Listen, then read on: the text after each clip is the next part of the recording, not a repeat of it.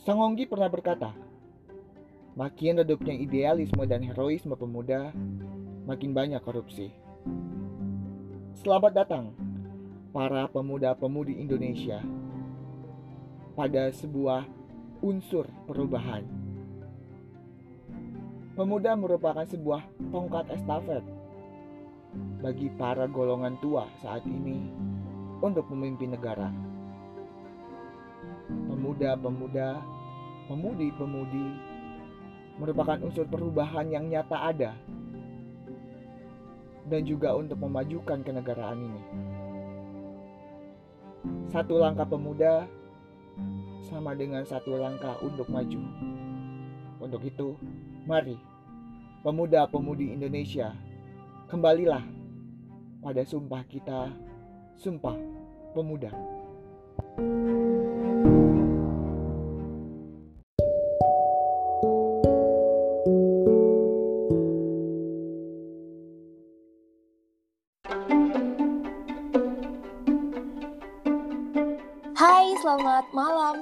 Dongeng Project.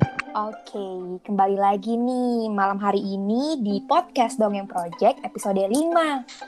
Sebelumnya terima kasih banyak kepada Sobat Dongeng Project yang sudah ngikutin nih perjalanan podcast Dongeng Project dari episode 1 sampai sekarang udah episode 5. Dan tentunya seperti biasanya kita akan uh, mengundang dan menghadirkan narasumber yang kece banget nih pada malam hari ini. Sama dong seperti sebelum-sebelumnya tema kita tentunya menarik uh, terutama bagi kita para pemuda-pemudi Indonesia. Nah, gak usah lama-lama nih kayaknya kita langsung aja uh, kita hadirkan ini dia Kak Fahri. Ya, halo. Iya, halo Kak. Silakan Kak Fahri perkenalkan dirinya Kak. Oke, okay. uh, sebelumnya teman-teman sobat Dongeng Project, saya Fahri saya mahasiswa Teknik Elektro UIN Sunan Gunung Jati Bandung. Uh, sekarang semester 7 dan kita diundang uh, pada hmm, pada apa ini? saya diundang hari ini sebagai satu founder kakak kayak gitu kak. Iya. ya bener banget nih Sobat Tengah Project. Jadi Kak Fahri itu adalah founder dari uh, Kakak Asu. Oke, sebelum kita ngobrol banyak-banyak sama Kak Fahri, uh, kayaknya aku belum perkenalan nih Kak. Aku mau perkenalkan diri dulu. Uh, sebelumnya, uh, ini kayaknya suara baru nih di Dongeng Project, di podcast Dongeng Project. Aku Rinjani, salah satu staff di Content Creator Departemen di Dongeng Project. Dan pada malam hari ini akan menjadi host pada podcast episode 5 dengan tema kita yaitu Pemuda-Pemudi Indonesia yang mana kita uh, spesial untuk menyambut Hari Sumpah Pemuda yang akan jatuh pada tanggal 28 Oktober ini. Begitu Kak oh, Fahri. Oke, okay, Oke. Sebelumnya kakak di, di, di Bandung ya kak? Sekarang sekarang. Iya sekarang saya di Bandung. Bandung hujan nggak kak? Sekarang enggak. Di sana hujan. Oh tadi hujan kak di Bengkulu. Uh, sebelum uh, sebelumnya saya di Wah, Bengkulu kak posisinya dan Bengkulu lagi musim hujan. Iya, iya. Jauh. Oke. Okay. Oke okay, sebelumnya uh, kita langsung aja nih kak ngupas-ngupas tentang uh, pemuda nih tentang masalah pemuda. Dan langsung aja untuk uh, yang pertama itu pengen banget nih tahu dari kak Fahri menurut kakak, uh, kakak kalau dengar kata pemuda apa sih kak yang kakak pikirin? Oke, okay. oke. Okay. Pertama kali dengar kata pemuda, kalau pertama kali dengar kata pemuda mungkin saya pikirin adalah sembrono Waduh berat berat ya kak. Kenapa sembrono? Buat saya gini, pemuda itu kebanyakan kita tuh nggak banyak mikir ya. Pemuda itu kan semua ya. Kita tuh nggak banyak mikir. Hmm. Ababi bu nggak ABCD gitu ya beda sama orang-orang dewasa. Tapi gitu kita melakukan gitu ya. Jadi apa yang kita lakukan kadang salah. Kalau pertama kali orang yang bergebu-gebu ingin menjalankan sesuatu, entah baik buruknya hadang aja nekat aja. Wah Oke, wah berbeda ya kak dari orang-orang biasa kalau ditanya apa sih pemuda di menurut kamu di pikiran? Kamu pasti langsung bilangnya uh, milenial atau kreatif atau gimana gitu. Sedangkan kakak uh, mengatakan bahwa pemuda itu sembrono dengan penjelasannya tadi keren banget sih kak. Kayak out of the box sih aku nggak nyangka kakak bakal jawab uh, tentang pemuda itu terkait uh, dengan yang kakak sebutkan tadi. Oke, okay, uh, eh, terima kasih Kak Fari. Um, kalau begitu kak, pertanyaan ke pertanyaan selanjutnya ini um, dari banyak bagusnya tentang pemuda, menurut kakak apa aja sih kak problem-problem yang pada saat ini tuh sedang terjadi gitu kak di Indonesia? Oke, okay. tentang pemudanya mungkin ya. Iya. Oke, okay. sebenarnya kalau bicara soal problem, jadi bukan masalah yang khusus gitu di Indonesia, gitu ya. Uh, kita ngelihat sekarang pemuda di Indonesia sendiri memang sedang bergerak di di bidangnya sedang bergerak dalam jalan yang benar kalau menurut saya karena kenapa? Yang pertama kita bisa ngelihat kalau sekarang kita juga lagi di masa bonus demografi ya. Hmm. Kita sedang ada di masa bonus demografi. Di mana angka produktif gitu ya, angka umur produktif Indonesia sekarang lagi tinggi-tingginya ya. Sekarang adalah hmm. waktunya kamu udah benar-benar bikin sesuatu yang keren buat Indonesia gitu. Jadi ya dan menurut saya kita sedang ada di jalan itu sih sebenarnya kita jalan itu maksudnya uh, banyak startup yang kita mulai gitu untuk menyelesaikan problem menikah di di bawah itu yang langsung di masyarakat uh, di juga kita sering mendesak kebijakan mm, iya. menurut saya kita sedang berada masalah utama mm. sih sebenarnya ah ya apakah kita sebut ini sebagai efek globalisasi atau apa sebenarnya moral dan segala macam yang kadang kita ngerasain sosial media yang isinya hating gitu ya bullying dan segala macamnya menurut saya hmm. ini adalah problem kita lah soalnya percuma kita prestasi banyak di mana-mana tapi moral harus adab hmm. yang sedari dulu kalau kita pas SD nih ya kita ngomong bahwa orang Indonesia itu ramah tamah itu yang menurut saya makin lama makin hilang. Sekarang menurut saya. Oke. Okay. wah uh, aku tadi udah sempat kepikiran nih kak mau menanyakan hal ini. Dan kebetulan tadi kakak sempat mention juga terkait dengan uh, Sembrono dan yang urusan kakak mention terkait dengan yang lagi rame. Tanda kutip yang lagi rame ya kak sekarang. Okay. pemuda. Yang mana? Ya tentu saja terkait dengan omnibus law ya kak. Nah itu selain uh, mungkin tadi sempat kakak katakan bahwa kita sedang ada krisis krisis moral juga ya kak. Nah selain itu apa sih kak pendapat kakak terkait dengan uh, apa terkait dengan demo-demo yang sering yang sedang marak terjadi dan ya sekarang sudah mulai reda syukurnya dan kemudian mungkin uh, pendapat kakak nih kak dari pemuda pem, uh, bagaimana sih sebenarnya peran pemuda itu dalam dunia politik ya kak mungkin okay.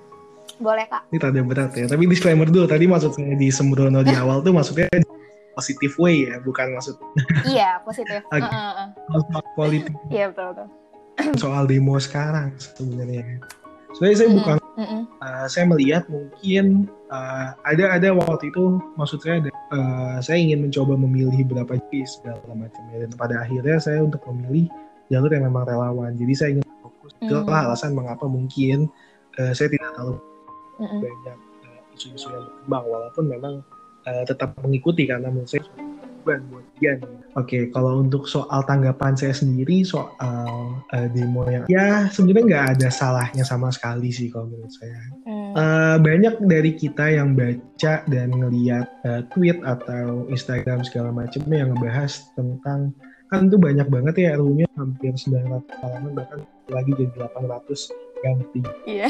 Uh, tapi menurut saya bahwa yang salah di sini tuh bukan hasilnya, bedah isinya banyak yang beda dan banyak tapi itu menurut saya yang salah mm-hmm. adalah kebijakan kenapa harus diputuskan sekarang dan kenapa banget sih misalnya kayak gitu sedangkan kita pandemi yang mm-hmm. yang uh, bikin kita tetap di rumah udah hampir 8 bulan dan akhirnya semuanya kerasa percuma kalau akhirnya kebijakan-kebijakan itu ingin keluar membuat kita ingin unjuk rasa segala macam dan akhirnya itu kan percuma ya menurut mm-hmm. saya sih hanya sistem harus diperhatikan di sini soal isi dan segala macamnya saya rasa itu pembahasannya tapi saya lebih peduli terhadap sistem kenapa harus buru-buru banget oke okay.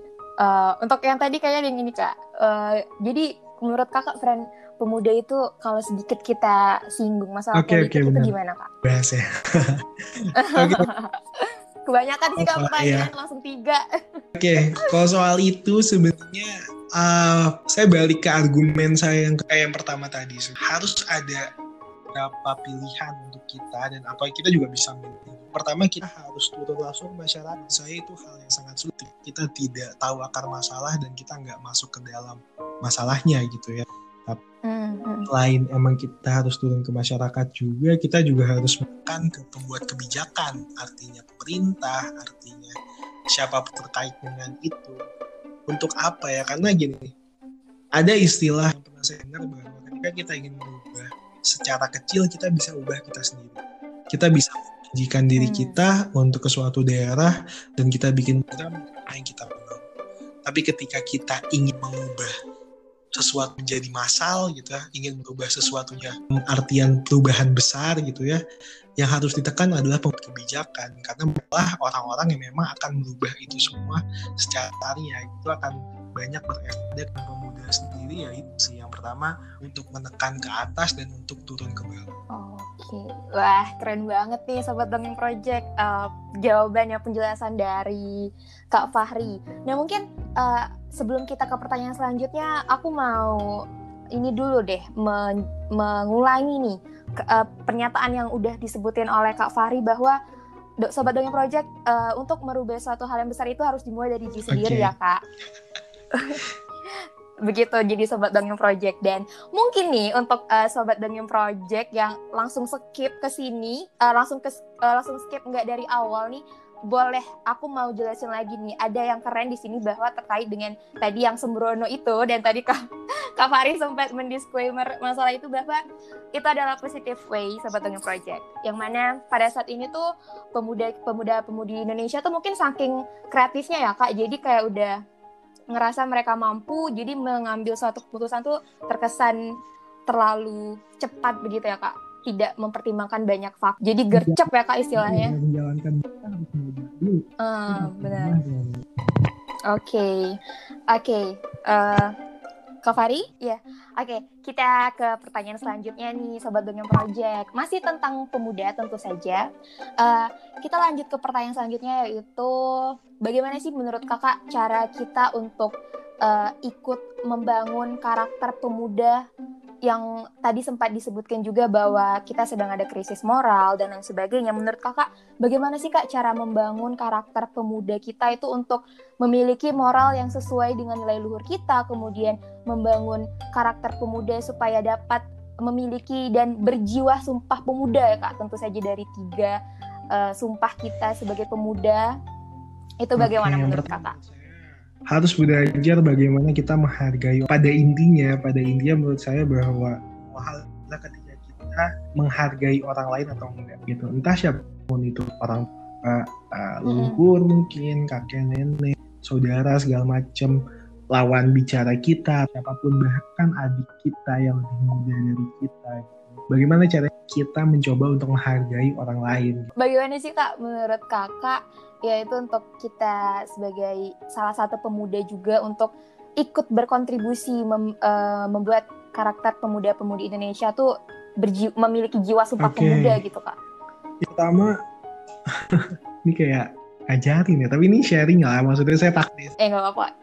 Iya. Eh, ambil positioning di mana diri teman apa yang untuk mengisi kemerdekaan kan kita bisa melakukan hal-hal yang emang positif dan itu juga amanat untuk mengisi. Nah, eh, penting kita semuanya untuk tahu apa yang emang sebenarnya apakah kita ingin usaha, apakah kita ingin bikin gerakan sosial? Atau apakah kita ingin kerja, ingin jadi aktor. Saya itu penting untuk kita ketahui apa sih kita maunya apa dan nantinya ketika kita udah itu semua apa hal-hal yang memang akan mengisi kemerdekaan kita gitu. Entah dengan hal apa pun itu. Toh kita juga nggak pernah mengotak-otakan kalau prestasi itu orang yang, yang eh, menjadi fokus atau orang yang wakil Indonesia di olahraga. Mungkin kayak kita nggak pernah deh sampai kepikiran bahwa kita mengatakan bahwa untuk menjadi orang Indonesia sepenuhnya Hmm. kita harus A, kita harus B, kita harus C segala macam. Intinya apa pun yang emang kita rasa baik dan itu ada manfaatnya untuk orang lain dan saya itu adalah cara yang tepat sih untuk kita mengisi memberikan kontribusi itu sih kak Oke. Berarti nggak perlu tuh kayak harus jauh-jauh banget harus berprestasi internasional dan lain sebagainya. Yang penting dari diri sendiri, kemudian emang memiliki niat yang tulus ya kak untuk Indonesia, menjaga kesatuan dan persatuan Indonesia, menjaga sumpah yang sudah dideklarasikan oleh para pahlawan pada 1928 Iya. pada tahun itu Oh ya iya, kak. dan versi terbaik dari diri kita masing-masing aja sih kalau Oke, setuju. So- eh, Sobat Dongeng Project. Dari tadi Kak Fari kalau ngomong itu perkataannya eh, kalimat dari ucapan Kak Fari itu bisa dikutip loh jadi eh, motivation word gitu. Oke. Em, kita sedikit bergeser nih Kak. Udah pada kepo nih sepertinya Sobat Dongeng Project terkait dengan kakak asuh. Aku juga kepo nih Kak. Sebenarnya eh, boleh Kak dijelasin kakak asuh tuh apa sih Kak? Kemudian kegiatan-kegiatan dari kakak asuh dan lain sebagainya. Mungkin pengalaman kakak juga bisa berbagi kak ke, ke Sobat Dongeng Project terkait dengan yang sudah kakak eh, alami selama kakak eh, di kakak asuh dan menjadi founder kakak asuh juga. Oke, berbagi? ngomongin kakak asuh ya. Ini, ini saya pertama kali loh diundang, tapi itu kan Hmm. nggak ngomongin kakak asuh dulu gitu. Jadi menyenangkan gitu. Oh, Oke, yang pertama, yang pertama mulu ngomongnya. Nah, sebenarnya kakak asuh itu awalnya komunitas. Jadi kita komunitas kita Hmm. bangun itu tahun 2018. Jadi artinya kita sampai tahun ini baru kemarin di bulan April tahun lalu kakak asuh eh, dibuat itu pas eh, saya pas masih semester 3. oh, berarti di Oh, posisi eh, tiga. saya nih kak. Oke, Iya baru Nah, semester tiga ditunggu kak. berarti bikin sesuatunya ya. Oke siap. Sahan tentang pendidikan gitu. Awalnya kita cuma brainstorming doang tuh saya dan saya gitu ada beberapa orang teman saya Hmm, ngomongin soal apa sih sebenarnya yang miss dari pendidikan Indonesia gitu. Wah, betul. Tapi ya ngomong ngalor Hmm. aja lah. Jadi dapat pendapat hmm. Kita menuju kepada satu titik sebenarnya bahwa kok eh, di beasiswa nih kayaknya masih rada kurang maksimal ya. Banyak orang-orang yang membutuh tapi nggak dapat beasiswa dan kesulitan dapat beasiswa dan segala macam. Sebenarnya awalnya kakak asuh di itu karena kita ingin menjadi suatu lembaga beasiswa. Dulu kita berpikir orang-orang menengah gitu ya bahkan eh, ya pintar atau SKTM dan sebagainya itu sangat sulit buat jadi ini sebenarnya awalnya pengen banget bikin beasiswa yang memang berdasarkan dari kebutuhan. Tapi eh, pada akhirnya kita kepikiran bahwa kita nggak bisa jadi lembaga beasiswa sekarang Gitu. karena yang pertama kita nggak punya duit itu yang kedua kita mahasiswa semester Hmm. 3 mau ngasih beasiswa ke anak-anak juga siapa yang percaya? Ya pada akhirnya dan itu Iya. itu hanya satu masalah ya. Maksudnya banyak dari eh, masalah-masalah lain yang sampai kita nggak kepikiran bahwa kayak kelamaan deh kalau kita maksain buat beasiswa. Akhirnya kita bikin. sosial. Pada akhirnya yang kita bikin dulu di Bandung Bogor gitu. Itu tahun 2018 kita kita biar eh, ke daerah-daerah di sekitar kita sendiri. Di sekitar kita kayak tapi konsisten selama enam bulan kita itu sekolah gitu. Dan kenapa namanya kakak asuh karena relasi di sana menjadi seorang kakak dengan apa pun yang sudah dilalui gitu sampai jadi mahasiswa sekarang eh, kita ingin punya hubungan relasi yang dekat di adik-adik di sekitar kita adik-adik sekolah dasar di sekitar kita jadi kita ingin punya relasi antara kakak di sekolah dasar atau daerah-daerah kayak gitu pak Wah, menarik banget nih. Oke, sebelumnya mau ngucapin selamat Oh, ulang iya, tahun iya, Kak, oke. buat kakak Gimana? asuh. Berarti ulang tahun yang ketiga ya, Kak? lupa Iya. bilang. Oh ya kedua, oh ya kedua. Oke, Eh, jadi tadi kakak sempat eh, mengatakan bahwa kegiatan kakak asuh ya berkunjung ke sekolah-sekolah dasar, kemudian eh, mengajar adik-adik di sana, kemudian bermain juga seperti itu ya kak. Eh, ada nggak kak pengalaman unik yang mau pengalaman unik atau yang berkesan deh buat kak Fahri yang mau dibagiin ke sobat dongeng project. Karena sebelumnya dari tadi juga eh, sempat beberapa kali kita berbagi karena dari tagline dongeng project sendiri yaitu tell and share kak. Jadi ingin berbagi di dunia pendidikan begitu. Pengalaman. Kesan ya. Pengalaman kesan sebenarnya saya sih ke mengelola organisasinya sebenarnya ya. Relawan juga Hmm, pasti mm, mm, kesan saya adalah ketika memulai sesuatu yang belum ada gitu. Biasanya kita di mana pun itu melanjutkan sesuatu, apalagi organisasi, eh, osis segala macam di SMA mungkin bukan bukan hanya ya maksudnya melanjutkan yang sudah ada, tapi konsep, bikin sistem, bikin hal-hal lainnya apa pun itu. Saya pengalaman paling berpengaruh sama saya terhadap kakak asuh. Mungkin yang paling menarik yang paling paling menarik adalah ketika kita open ketika itu kita baru buka hmm. daerah kita baru nambah empat daerah lainnya enam kota gitu ya ada enam kota di dan ternyata antusias dari masyarakat banget kakak asuh banyak perhatian itu relawan hmm, tuh kayak cuma orang setiap daerah. Dan juga ada anak bed sebelumnya yang tetap mengajar kita lihat antusiasme masyarakat yang daftar itu hampir 14 ribu. Kaget dan segala macam yang kita untuk mengurus itu semua. Oke. okay. Wah, jadi emang uh, semuanya tuh sebenarnya bisa dikatakan berkesan ya, ya Kak iya. untuk Kakak. Dan uh, mungkin untuk Sobat Dongeng Project bahwa memang untuk membangun suatu hal yang baru, kemudian suatu hal yang kita inginkan itu emang banyak cobaannya ya Kak. Dan nggak semata-mata itu langsung tring, langsung jadi gitu dan emang perlu ada usaha. Um, mungkin kalau begitu Kak Fari mau nggak Kak menceritakan terkait dengan mungkin uh, dukanya atau suka duka yang menurut Kakak aduh uh, dulu sempat berpikir bahwa kayaknya kakak asuh nggak bakal jadi deh atau hal semacam itu mungkin yang ada uh, yang ada yang mau kak Fahri sampaikan okay, ke Dengan Project? Dukanya dulu lah, yang sukanya tiga akhir. Oke. Okay. Dukanya adalah uh, tadi menurut saya ini ini nyambung ke statement pertama saya bahwa kita ini pemuda tuh sembrono ya sebenarnya gitu. Uh, ketika saya bicara kasus juga saya dan teman-teman saya tuh nggak terlalu mikir panjang. Ya udahlah hmm. jadian di depan ya. Kita hadapin kita lewatin gitu.